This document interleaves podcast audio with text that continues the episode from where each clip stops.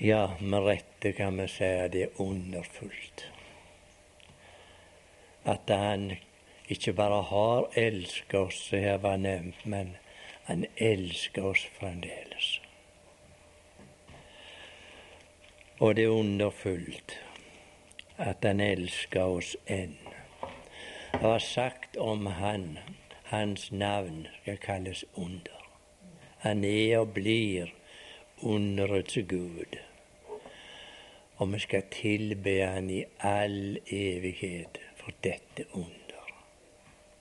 Dette kjærlighetsunder som her var lest om ifra åpenbaringen som han nok lest for oss.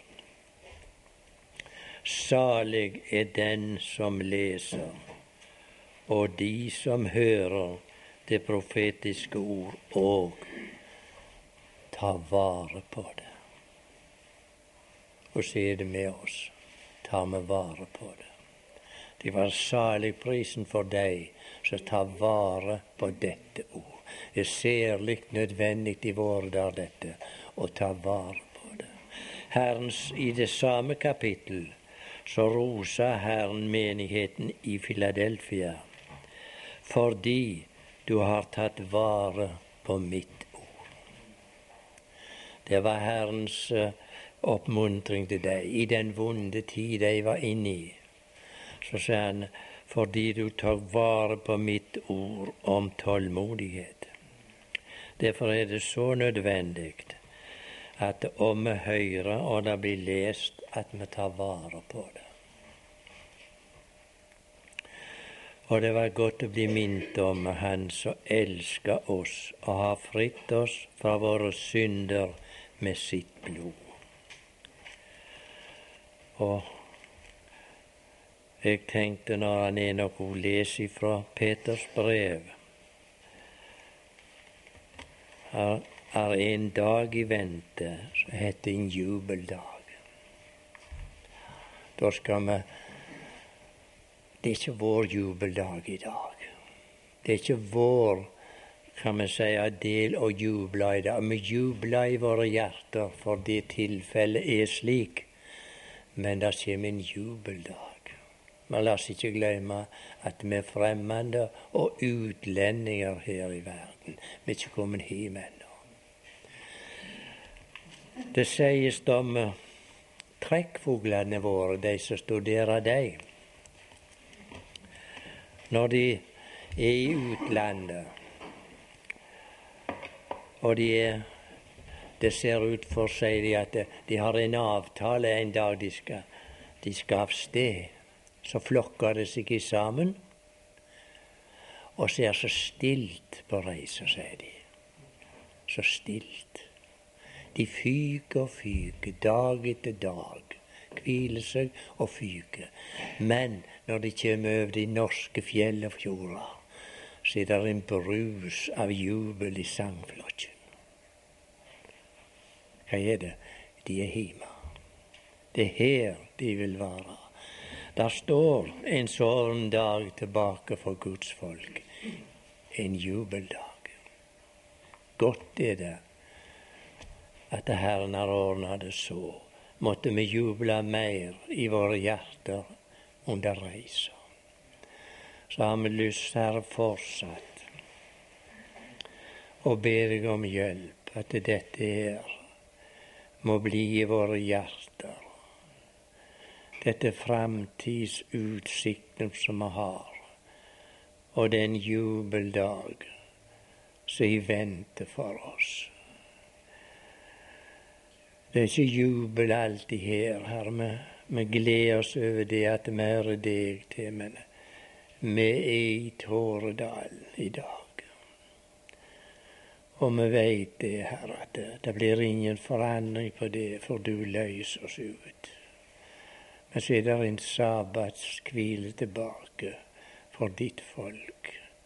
Hjelp oss å se over høydene her opp imot de evige høyder, og glede oss til, til dagen når vi skal være i din nærværelse.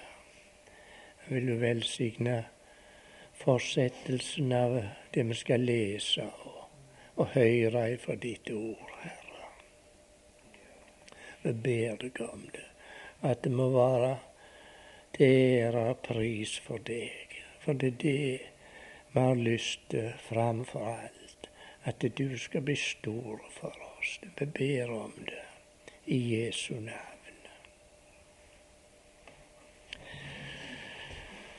Skal vi lese sammen videre ifra Første Mosebok.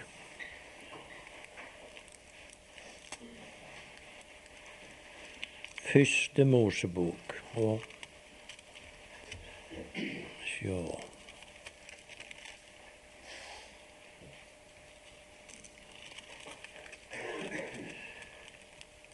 Kapittel 22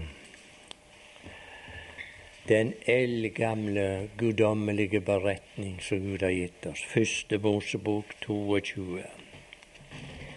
Den beretningen kjenner både store og små. Når Abraham gikk med sin sønn til offerstedet Vi begynner, vi leser fra begynnelsen av kapittelet. Første Mosebok 22. Noen tid deretter satte Gud Abraham på prøve, og han sa til ham, Abraham, og han svarte, Ja, her er jeg. Da sa han, Ta din sønn, din eneste, han som du har så kjær, Isak og gå til Moria land og ofre ham der til brennoffer på et av fjellene som jeg skal si deg. Så sto Abraham tidlig opp om morgenen og leste på sitt asen og tok to av sine drenger med seg og Isak sin sønn. Han kløvde ved til brennofferet og ga seg på veien til det sted Gud hadde sagt ham. På den tredje dag, da Abraham så seg om, fikk han øye på stedet langt borte. Da sa Abraham til sine drenger, bli i her med, med asene. Jeg og gutten, vi vil gå dit bort og be, og så komme tilbake til lederen. Så tok Abraham veden til brennofferet og la den på Isak sin sønn. Og selv tok han ilden og kniven i sin hånd, og så gikk de, begge sammen. Da talte Isak til Abraham sin far og sa, Du far. Han svarte, Ja, min sønn. Han sa, Se, her er ilden og veden med våre lam til brennofferet. Abraham svarte, Gud skal selv utse seg lammet til brennofferet, min sønn. Så gikk de begge sammen. Og da de kom til det sted Gud hadde sagt ham, bygde Abraham, Abraham et alter der og la veden til rette så bandt han Isak sin sønn og la han på alteret ovenpå veden. Og Abraham rakte ut hånden og tok kniven for å ofre sin sønn. Da ropte Herrens engel til ham fra himmelen og sa, Abraham, Abraham. Han svarte, Ja, her er jeg. Da sa han, Legg ikke hånd på gutten, og gjør han ikke noe, for nu vet jeg at du frykter Gud, siden du ikke har spart din eneste sønn for min skyld. Da nu Abraham så opp, fikk han, uh, fikk, uh, fikk han se en baken bakenfor seg, som hang fast i buskene med sine horn. Og Abraham gikk bort tok væren og ofret den til brennoffer i stedet for sin sønn. Og Abraham kalte dette sted Herren ser. Derfor sier folk den dag i dag, på Herrens berg skal han la seg se. Og Herrens engel ropte ennå en gang til Abraham fra himmelen og sa:" Ved meg selv sverger jeg, sier Herren, fordi du gjorde dette og ikke sparte din eneste sønn. Så vil jeg storlig velsigne deg og gjøre din ett såre tallrik som stjernene på himmelen og som sanden på havets bredd. Og din ett skal ta sine fienders porter i eie. Og i din ett skal alle jordens folk velsignes fordi du lød mitt ord. Fordi du lød mitt ord. denne beretning har vi vel lov å si at det er en av de av de klareste forbilder som vi har i Guds ord.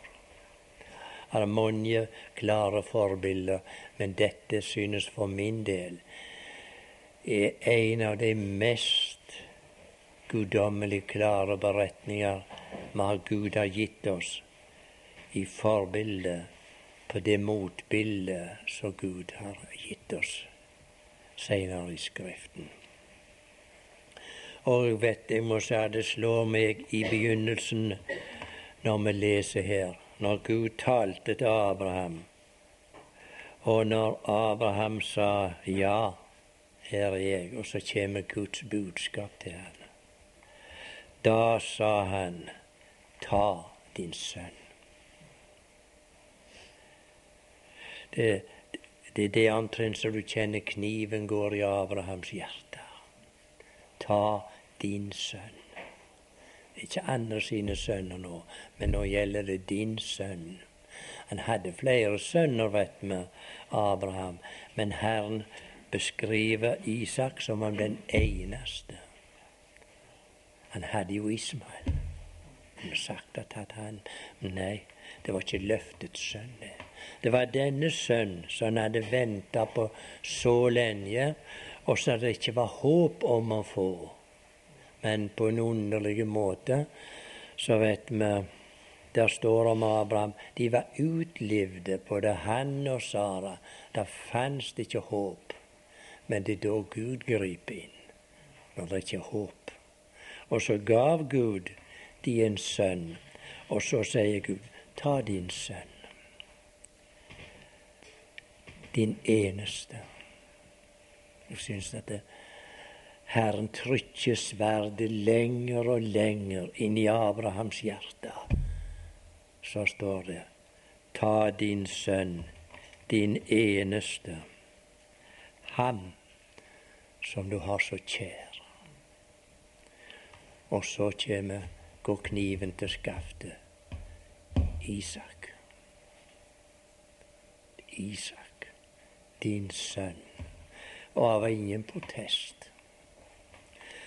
Og så sier han videre om Ta din sønn, din eneste, ham som du har så kjær, Isak, og gå til Moria-land og ofre han der til brennoffer på ett av fjellene som jeg skal si deg. Jeg vet ikke om en skal kalle det fantasi, men eh, hvis Den hellige ånd får lov å levendegjøre dette forbildet for oss, så ser vi et, et forunderlig motbilde der, i dette her. I vers 3 leser vi så sto Abraham tidlig opp om morgenen. Det var ikke noe debatt om om han kunne slippe eller noe sånt. Nei. Det var troen i Abrahams hjerte som uh, skapte en lydighet. Han sto tidlig opp om morgenen og leste på sitt asen og tok to av sine drenger med seg og Isak sin sønn. Han kløvde ved til brennofferet og gav seg på veien til det sted Gud hadde sagt ham. Han gav seg på veien til det sted. Det var et bestemt sted. Det var ikke hvilken som helst plass, men Gud viste ham plassen. Vi leser videre. På den tredje dag, da Abraham så seg omkring, fikk han øye på stedet. Langt borte. Kan vi tenke oss hva som beveger seg i den manns hjerte? Der er plassen. Der skal kniven gå i min eneste elskede, elskede sønn. Han, han, han løftet sine øyne, står han så seg omkring, så fikk han øye på stedet. Da sa Abraham til sine drenger, bli, her, bli i her med asene. Jeg og gutten vil gå dit bort og be. Og så komme tilbake til leder. Vi, vi aner vel litt av den guddommelige tro som er i denne manns hjerte. Og så har Gud vært så god med oss. Han har latt det nedskrevet her i sitt ord, de tanker som var i Abrahams hjerte. Du har sikkert lest det, de står i Hebreerne 11. Kanskje vi skulle lese det. Det er godt for oss i sammenhengen, og så minnes dette. Det er i Hebreerne 11, der så disse troens menn er er nedtegna.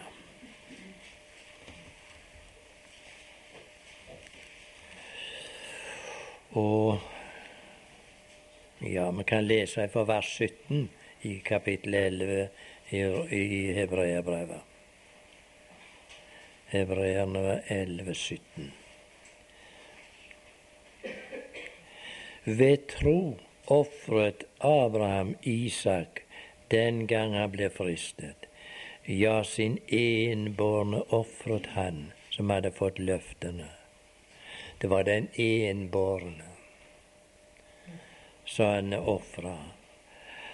Han som det ble sagt til, i Isak skal det nevnes deg en ett. Så kommer det det som vi tenker på her. For han tenkte at Gud er mektig endog til å oppvekke fra de døde, og derfra fikk han ham og likesom tilbake. Han tenkte Gud er mektig til å vekke han opp ifra det døde. Vi kan tenke oss når Abraham sto framfor gutten sin. Han bundet han til alteret, tok kniven skulle utføre i lydighet det Gud hadde forlangt av ham. Og vi finner Vi leser videre her i, i Første Mosebok. Vi har godt av å lese det opp igjen ned gjennom. Ja, vi Ja, vi hadde lest med vers fem, ja. Vi vil gå dit bort og be og så komme tilbake til leder. Det forundra oss at han kunne si han skulle komme tilbake til dere. Han visste, Abraham, hva det skulle bli av dette her, men han snakket om tilbakekomsten. Skal komme tilbake til dere igjen. Men vi skal bort der, og så skal vi be. Og så kommer vi tilbake. Forunderlig. Da sa Abraham til sine drenger, bli i her, ja, bli i her med asene. Jeg og gutten, vi vil gå dit bort og be, og så komme tilbake til eder. Så tok Abraham veden til brennofferet og la den på Isak sin sønn, og selv tok han ilden og kniven i sin hånd og så gikk de begge sammen. Her ser vi det var ordna slik. Det var ingen andre som kunne ha kniven i sin hånd. Det var Abraham, det. Ilden og kniven. Det, det var i Abrahams hånd. Og offeret, det var hans elskede sønn, den enbårne som han leser om. Og så står det altså forunderlig og så merkelig de gikk begge sammen. Ser, ser vi to ganger. De gikk begge sammen. Og som de gikk der, så står det da talte Isak til Abraham sin far og sa, Du far. Han svarte, Ja, min sønn. Han sa, Se, her er ilden og veden, men hvor er lammet til brennofferet? Abraham svarte, Gud skal selv utse seg lammet til brennofferet, min sønn. Så gikk de begge sammen. Gikk begge to i, i samfunn med hverandre, gikk begge to til offerstedet. Vi leser videre. Og da de kom til det sted Og igjen må få nevne det stedet som Gud hadde foreskrevet. Det sted. Det var ikke et hvilket som helst sted. Nå kan du tenke på motbildet. Det var ikke et hvilket som helst sted og tilfeldig sted forbildet ble ofra. Det var navngitt, det stedet. Det skal vi se litt på når vi har, når vi har sett på dette her. Så gikk de begge til sammen. Og da de kom til det sted Gud hadde sagt ham, bygget Abraham et alter der og la veden til rette, så bandt han sin uh, Ja, så bandt han Isak sin sønn og la ham på alteret ovenpå veden. Og Abraham rakte ut hånden og tok kniven for å ofre sin sønn. La oss, Vi kan ha lov å tenke at dette var en hundre år gammel mann, Abraham. Og Isak han var i sine beste år, kring 30 år, sies det. Han lot seg binde. Han kunne sagt det gjort motstand hvis vi tenker menneskelig. Var ingenting for han å overmanne sin gamle far om han ville. Nei, han var lydig Lydig. Det var et lydig offer som Abraham gikk med. Og vi veit når vi tenker på motbildet Vårt offerlam, han òg bandt de. Førte han bundet, står det, til, til, til retterstedet eller til forhør. Tenk, de kom med Guds sønn bunden på hendene, og de ledde han som han legger dyr til slag. Han var opphavsmann, skaperen til alt, og så lot han seg binde av syndere. For Gud hadde bestemt. Han var offeret, og det lydige offerlam som gikk. For det var hans vilje det er Faderens mat. Og han sa, 'Jeg er kommet for å gjøre din vilje, o Gud'. Og så skal vi vende oss til Nytestamentet vårt og lese noen plasser derifra. Når dette offer, når motbildet blir rulla opp for oss. Skal vi se ifra Matteusevangeliet først. Og det er vel i Ja, i Matteus 26 skal vi sjå først.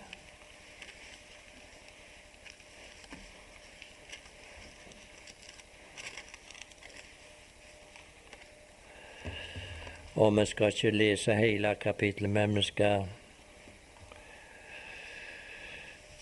bryte inn i kapittelet, skal vi sjå.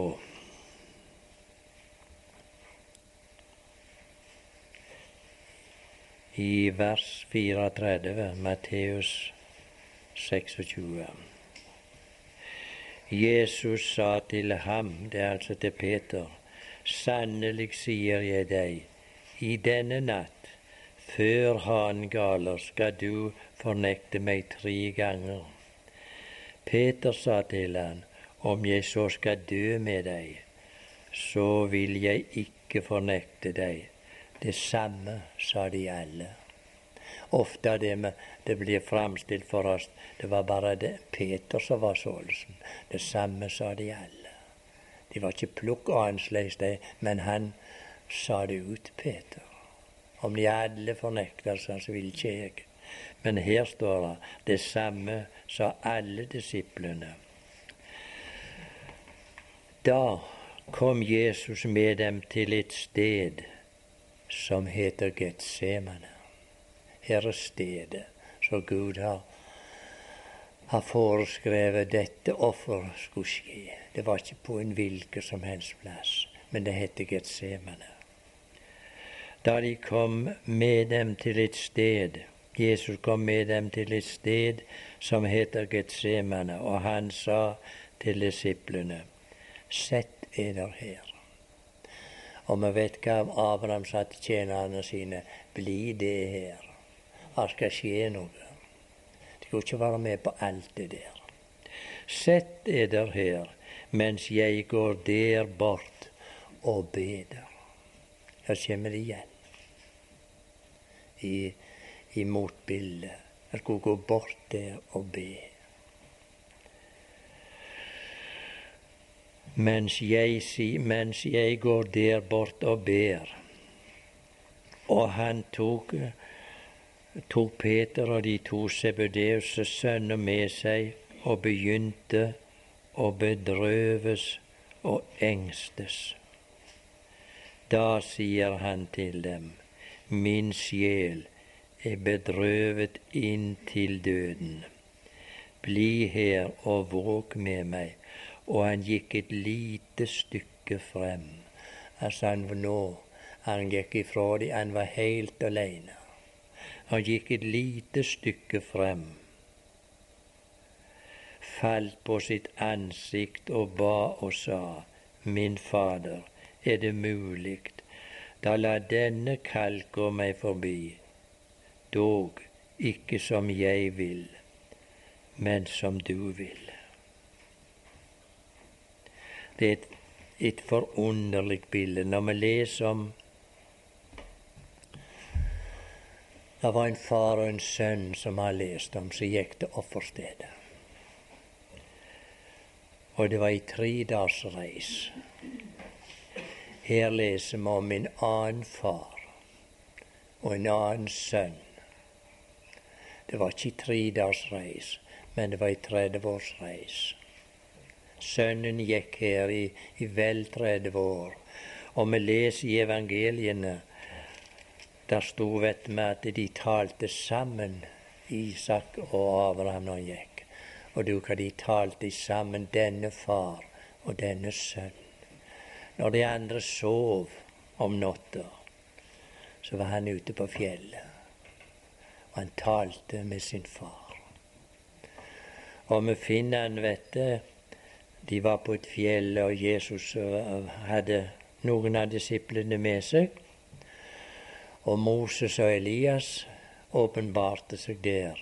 Og så står det de talte om det som skulle fullbyrdes i Jerusalem. Det er det de talte om. Og gang etter gang leser vi om at Herren var i bønn. Han var ute på fjellet. Talte med Faderen om dette som skulle fullbyrdes i Jerusalem. Og det var nettopp det han var kommet for. Og nå har vi lest om plassen som det hendte dette. De kom til et sted som heter Getsemane. Og når han kom der så ser vi noe for, ja, forunderlig er det jo alt Guds ord. Men det var et ord her som har forundra meg mange ganger. Og han tok Peter, det er vers 37, og han tok Peter og de to sebuderse sønner med seg og begynte å bedrøves og engstes. Og han som var Guds enbårne, uskyldige sønn, hvorfor fikk han angst da?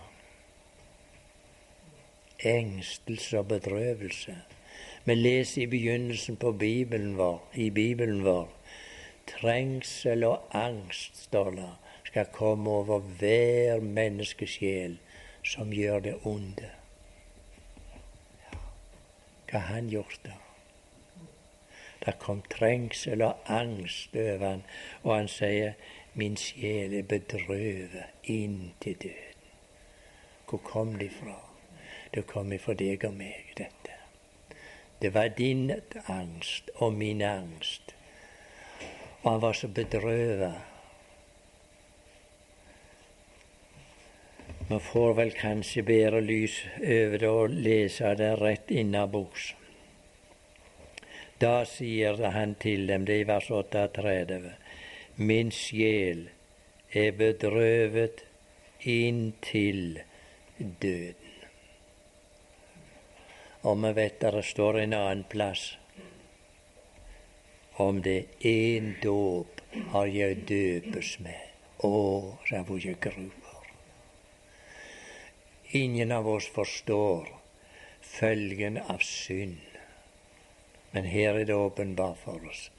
Han var bedrøvet inntil døden, og han engstast. Og han skalv, leser vi en annen plass. Han svette det, det, det, det falt som blodstråper til jorda. Må det bringe oss til å forstå hva vi har fått i Guds sønn, når han gikk til offerstedet med sin sønn for å berge deg og meg. For det var din og min vei, dette. Her er beskrevet. Og så skulle bedrøves inn til døden, og forbli i døden i all evighet. Men så, kom, så greip Gud inn med offer. Og vi leser vel flere plasser òg om det. Vi kan lese i Markus 14 om den samme begivenhet, kan vi si. Markus 14. Skal vi se hva vers det er, da.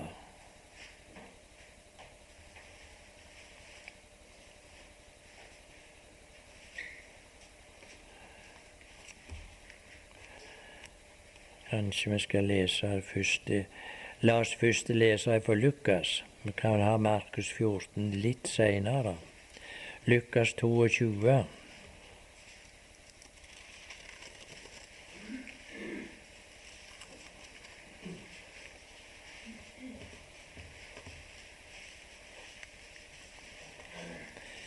Ja. Og vers 39. 22, 39. Og han gikk ut og vandret etter sedvane til Oljeberget, mens hans disipler fulgte òg med ham. Og da han kom til stedet, sa han til dem, be at de ikke må komme i fristelser. Og han slet seg fra dem et stykke som et stenkast. Han var aleine.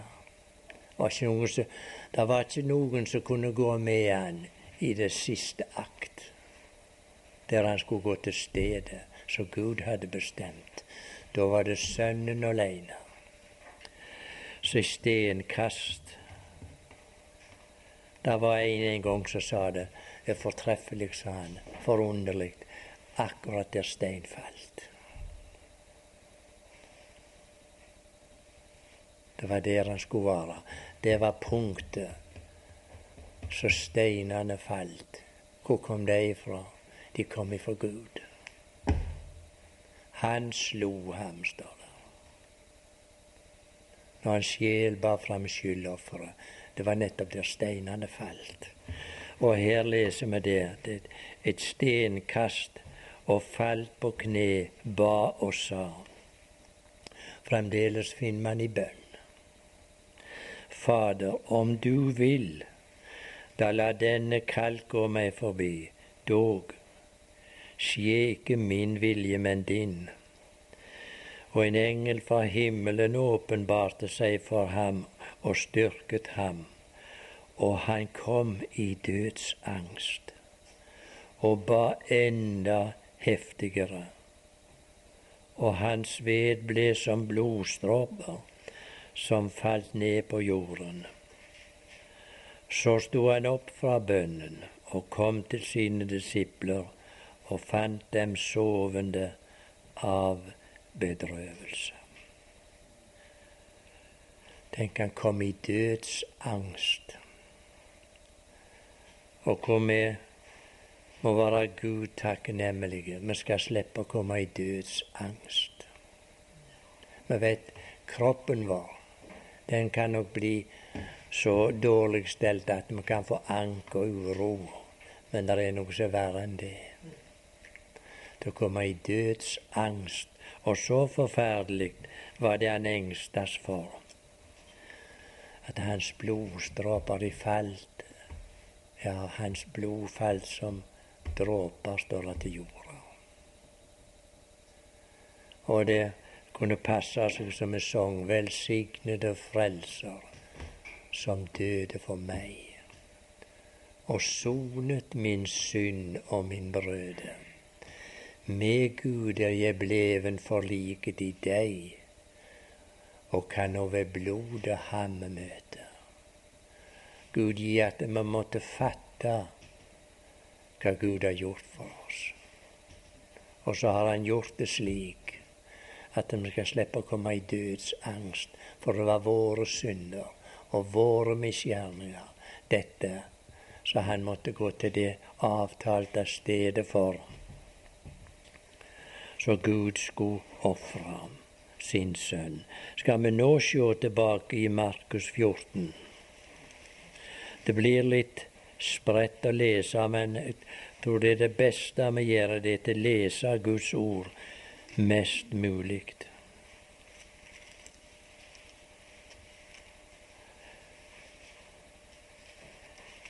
I Markus 14 må det ikke være 34 da jeg fant det.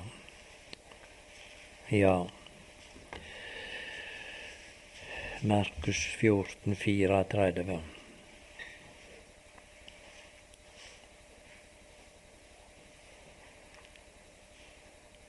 Og han sier til dem, Min sjel er bedrøvet inntil døden. Bli her og våg. Og han gikk et lite stykke frem, falt ned på jorden og ba at denne stund måtte gå ham forbi om det var mulig. Og han sa, Abba, Fader, alt er mulig for deg. Ta denne kalk fra meg, dog ikke hva jeg vil, men hva du vil. Og han falt på sitt ansikt, leser vi. Jeg spurte en gang en mann som var som beherska disse her grunntekstspråket, både, både ja, eh, gresk og, og hebraisk. Og her sa han at han falt til jorda. Det var ikke på grunn av at han bøyde, skulle bøye seg til kne for eller for kan vi si ærbødighet for Gud. Men mannen var så utslitt, sa han, han greide ikke mer. Og så datt han, som vi sier. Det var da det kom inn Herrens engel og styrkte han. Og vi kan tenke at dette skulle vært noe for den gamle Satan hvis han ikke hadde greid å komme lenger. Men han skulle, han skulle til offerstedet. Han skulle ikke bli liggende her. Og så reiste Gud han opp, så at han kom til offerstedet. Og skal vi lese videre om det. Kanskje vi kan Da skal vi gå i samme i Lukas evangeliet, Mon må det 23. Da får ha lite grann tålmodighet med meg til jeg finner det. Lukas 23 er det vel.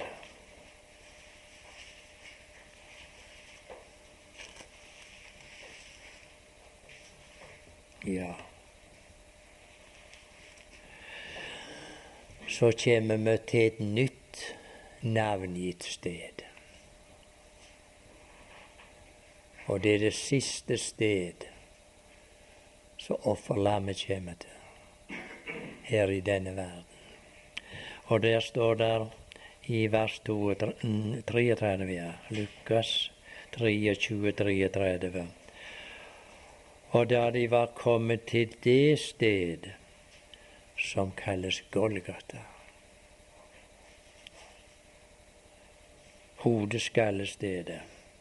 Korsfestet de der både ham og ugjerningsmennene, den ene på hans høyre og den andre på hans venstre side. Men Jesus sa, Fader, forlat dem, for de vet ikke hva de gjør og de delte hans klær mellom seg og kastet lodd om dem. Her ser vi at det stedet heter Golgata, der så kniven skulle brukes, der så ilden skulle brukes. Det var Guds ild, og her er det Guds kniv som brukes skal vi nå, kan vi si til slutt, gå tilbake til Matteus evangeliet, til det 27. kapitlet.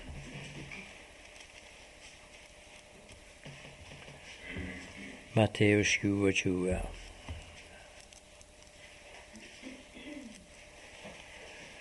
Hvor trenger vi ikke om å be Gud når vi nå skal gå ut til offerstedet? Og så skal vi se og høre hva som foregår her. Nå er vi kommet til Golgata. Og nå skal det ofres. Og nå er det Guds som ofrer.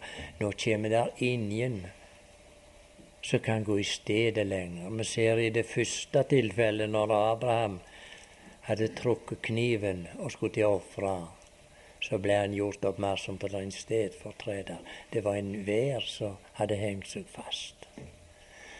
Men her slipper vi lete etter noen som gikk i plassen. Her var det Guds offerlam. Skal vi da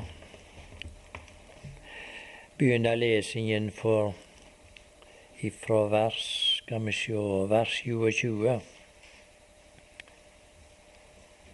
i kapittel 27. Da tok landshøvdingen strids, eh, stridsmenn Jesus med seg inn i borgen og samlet hele vakten omkring ham. Og de kledde ham av. Det er Guds Her er den lydige sønn igjen. Ingen motstand. Tenk, alt himmelens og jordens opphavsmann lot seg avkle av syndige, brutale mennesker. Ingen motstand. Han var lydig, står der, inntil døden. Ja, korsets død.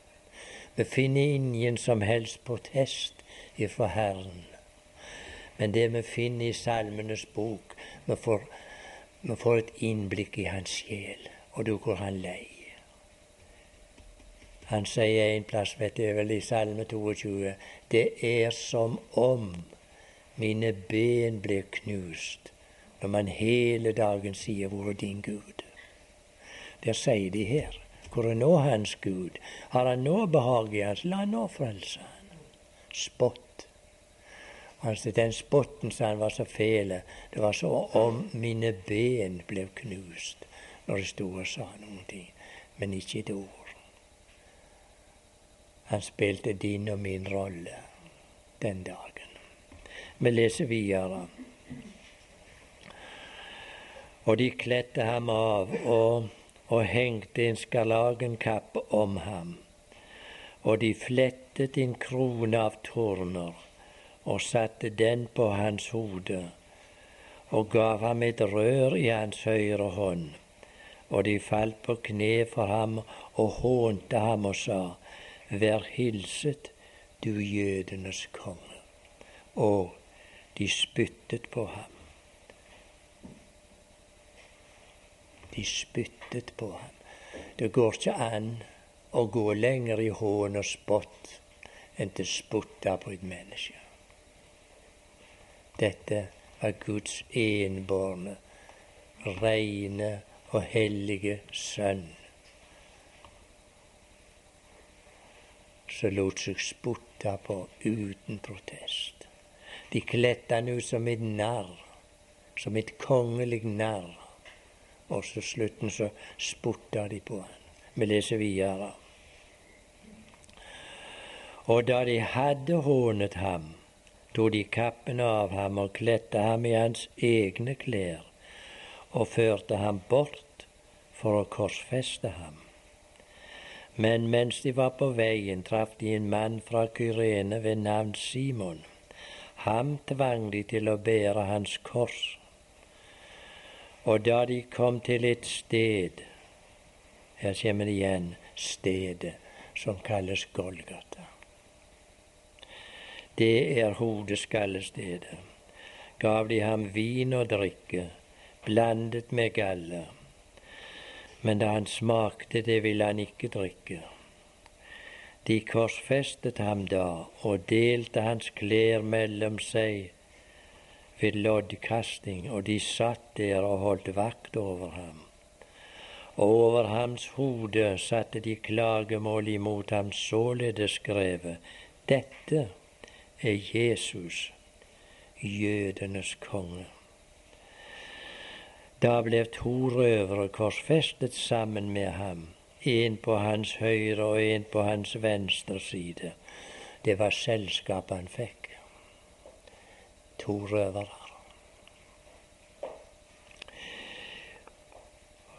Og de som gikk forbi, spottet ham og rystet på hodet og sa, Du som bryter ned tempelet og bygger det opp igjen på tre dager, frels deg selv. Er du Guds sønn, da stig ned av korset. Likeså spottet også ypperste prestene, til like med de skriftlærde og de eldste ham og sa, andre har han frelst, seg selv kan han ikke frelse. Og her kunne det være kanskje på sin plass å si ja, andre har han frelst. Men seg sjøl kunne han ikke frelse. For skulle han frelse seg sjøl, så hadde du og jeg gått fortapt. Det hadde vært utfallet av det. Men de sa seg sjøl kan han ikke frelse. Nei, Guds lov. Han søkte ikke frelse. Han er seg der til kommen for å, å, gi mitt liv for syndere. Andre har han frelst. Seg selv kan han ikke frelse. Han er jo Israels konge. La han jo stige ned av korset, så skal vi tro. Tenk, da skulle de jo kunne ydmyke seg og tro på han, hvis han bare ville kunne stige ned av korset. Han har sagt, han har satt sin lit til Gud. Han fri ham nu om han har behag i ham. Han har jo sagt, jeg er Guds sønn. På samme måte hånte også røverne ham, de som var korsfestet med ham. Men fra den sjette time ble det mørke over hele landet, like til den niende. Og ved den niende time ropte Jesus med høy røst og sa, Eli, Eli, lama sabachthani, det er min Gud, min Gud. Hvorfor har du forlatt? Vi finner en annen plass der står skrevet de forlot ham alle. Alle forlot han. Men så kom det et, et, kan si, et øyeblikk når han ble helt alene. Gud forlot ham. Men da noen av dem som sto der, hørte det, sa de, han roper på Elias. Og straks løp en av dem frem og tok en svamp og fylte den med eddik og stakk den på et rør og gav ham å drikke. Men de andre sa, vent, la oss se om Elias kommer for å frelse ham. Men Jesus ropte atter med høy røst og oppgav ånden. Det var på det sted som Gud ofra. Når vi har lest denne delen av beretningen, så ser vi her har vi samla alt imot Guds sønn. For det første finner vi all menneskelig råskap som kan tenkes. Den er samla akkurat her, på dette stedet. Og her finner vi all Satans list. Han sa, er du Guds sønn, stig ned av korset. Her var Satan møtt opp. Her var den religiøse råskap møtt opp. Og her var Gud møtt opp. Her var Gud møtt opp. Og han var møtt opp i egenskap av rettferdighet. Han skulle Dette her, det er oppgjørets dag nå vi står overfor, her når vi leser det. Nå skulle det et oppgjør til for synder. Og Gud hadde kalt alt i sammen her på Golgata. Og her sto han sjøl med ilden og kniven. Og når, når alle råskap var uttømt av mennesker på den religiøse og den øvrige verden og Satan, så sa Gud stopp. Nå er det nok. Så lot han det bli mørkt. Og vi legger merke til det inn med Kristi kors i dette mørket nå, så hører vi ikke et ord. Jeg har forsøkt å, å lese og tenke Er det så stilt nå? Nå er det Gud som handler. Nå bruker Gud kniven her i de tre mørke timer på Golgata. Nå er det offeret. Nå sa Gud, nå skal jeg ha betaling. Ja, Guds rettferdighet møter opp. Men her er Guds nåde. Han sier nå betaler jeg. Betaler for all den synd som er gjort og kommer til å bli gjort. Her har du, her har du betalingen. Nåden utstrakte sine armer. Jeg kan ikke tale om det sånn som det er for mitt hjerte. Det er umulig. Men her var den eneste anledning vi ser så rettferdighet og nåde kunne møtes. Det har vært umulig det før. For Guds rettferdighet kunne ikke bli tilfredsstilt uten ved en rene person som kunne ta opp all verdens synd og møte Gud og si jeg betaler. Han betalte med sitt uskyldige, rene blod. Måtte det vekke våre hjerter og våre sinn til mer omtanke, hva det vil si å ha fått våre synders forlatelse. Prisen på det og at en måtte gripe sålesen at når vi vandrer her og liker å få synd når det er noe i våre liv, at vi vi må slå våre ansikt ned og spør jeg har du glemt hva det koster at du, du er frelst. Skal vi se på et vers i, i apostelgjerningene. Vi ser.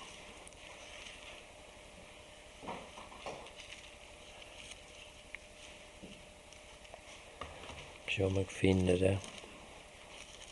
Det kommer for meg nå, ja. De apostelgjerningene i, i kapittel 13 er det vel, ja. Der står liksom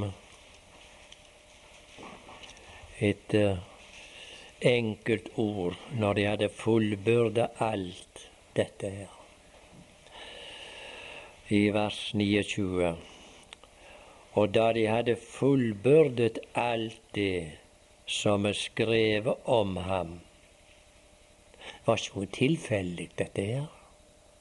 Men da de hadde fullbyrdet alt som er skrevet om ham, tok de ham ned av treet og la ham i en grav. Det er slutten på et menneskes historie. Det er graver. Ikke? Der skrives det ikke noe mer om et menneske etter grava, og det kan ikke skrives mer. Gravhaugen, det er det vitnesbyrdet. Det er slutten på det alt. Men Gud slutter ikke her. Nei. Men Gud, sier han.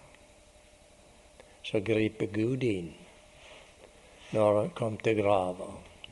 Men Gud oppvakte ham fra de døde. Det var Guds ofre, og det var Gud som handla, og det var Gud som ham. Og vi leste jo i hebreerbrevet her at den, den, troen var i Abrahams hjerte. At han kunne få han tilbake òg, hvis Gud ville det forunderlig. Men Gud oppvakte ham. Og så vet dere det står i Efeserbrevet Han oppvakte oss med ham. Jeg tror vi leser det. Hebre, nei, Efeserne 2. Et sover et ord som siterer så jevnt, liksom vi fer så fort forbi at det, det fester seg i oss alltid. da.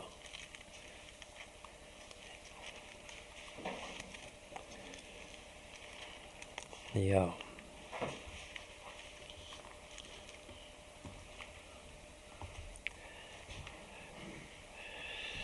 Vi kan lese fra vers 4 der i Efeserne 2.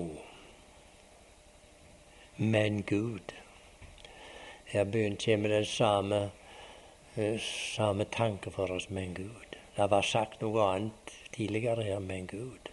Men Gud, som er rik på miskunn, har for sin store kjærlighets skyld, som han elsket oss med, gjort oss levende med Kristus.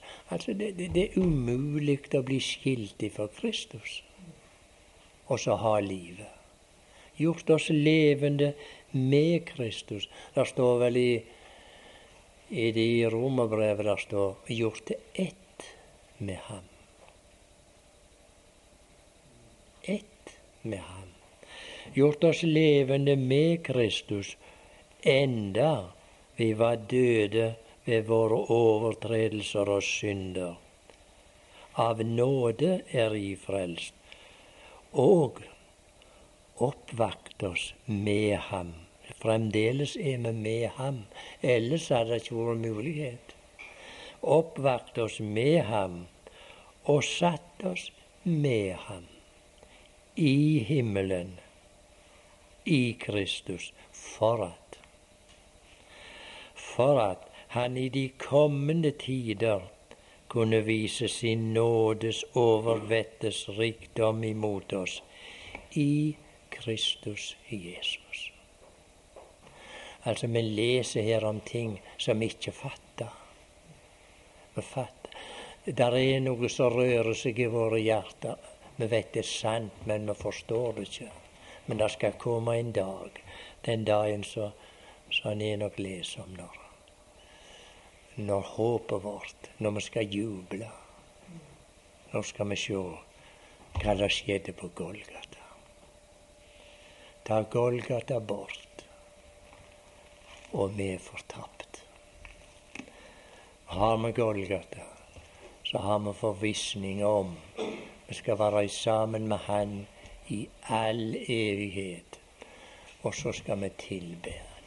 Tilbe Han for denne kjærlighet som Han har bevist oss. For så har Gud elsket verden, at Han gav sin sønn den innbårne for at hver den som tror på Ham, ikke skal fortapes, men ha evig liv. Måtte lesingen av Guds ord bringe oss inn mer og mer i samfunn og ydmykelse innenfor Hans ord, innenfor Hans trone. Og så har vi adgang der til du og jeg. Vi er på reis, la oss ikke glemme det. Vi burde vel minne annen jevnere på dette. Vi er på reis. Snart så er vi med målet. Og da skal vi sjå Han som ble så ille tilrett, som det står. Tenk, han var så ille tilrett. Han var ikke lik et menneske. Men ikke klage. Han måtte betale. Og når han hadde betalt, så sa han nå er det fullbrakt. Så sitter vi her og kan nyte dette. Men jeg har lyst til å si det en gang til. La oss ikke glemme prisen.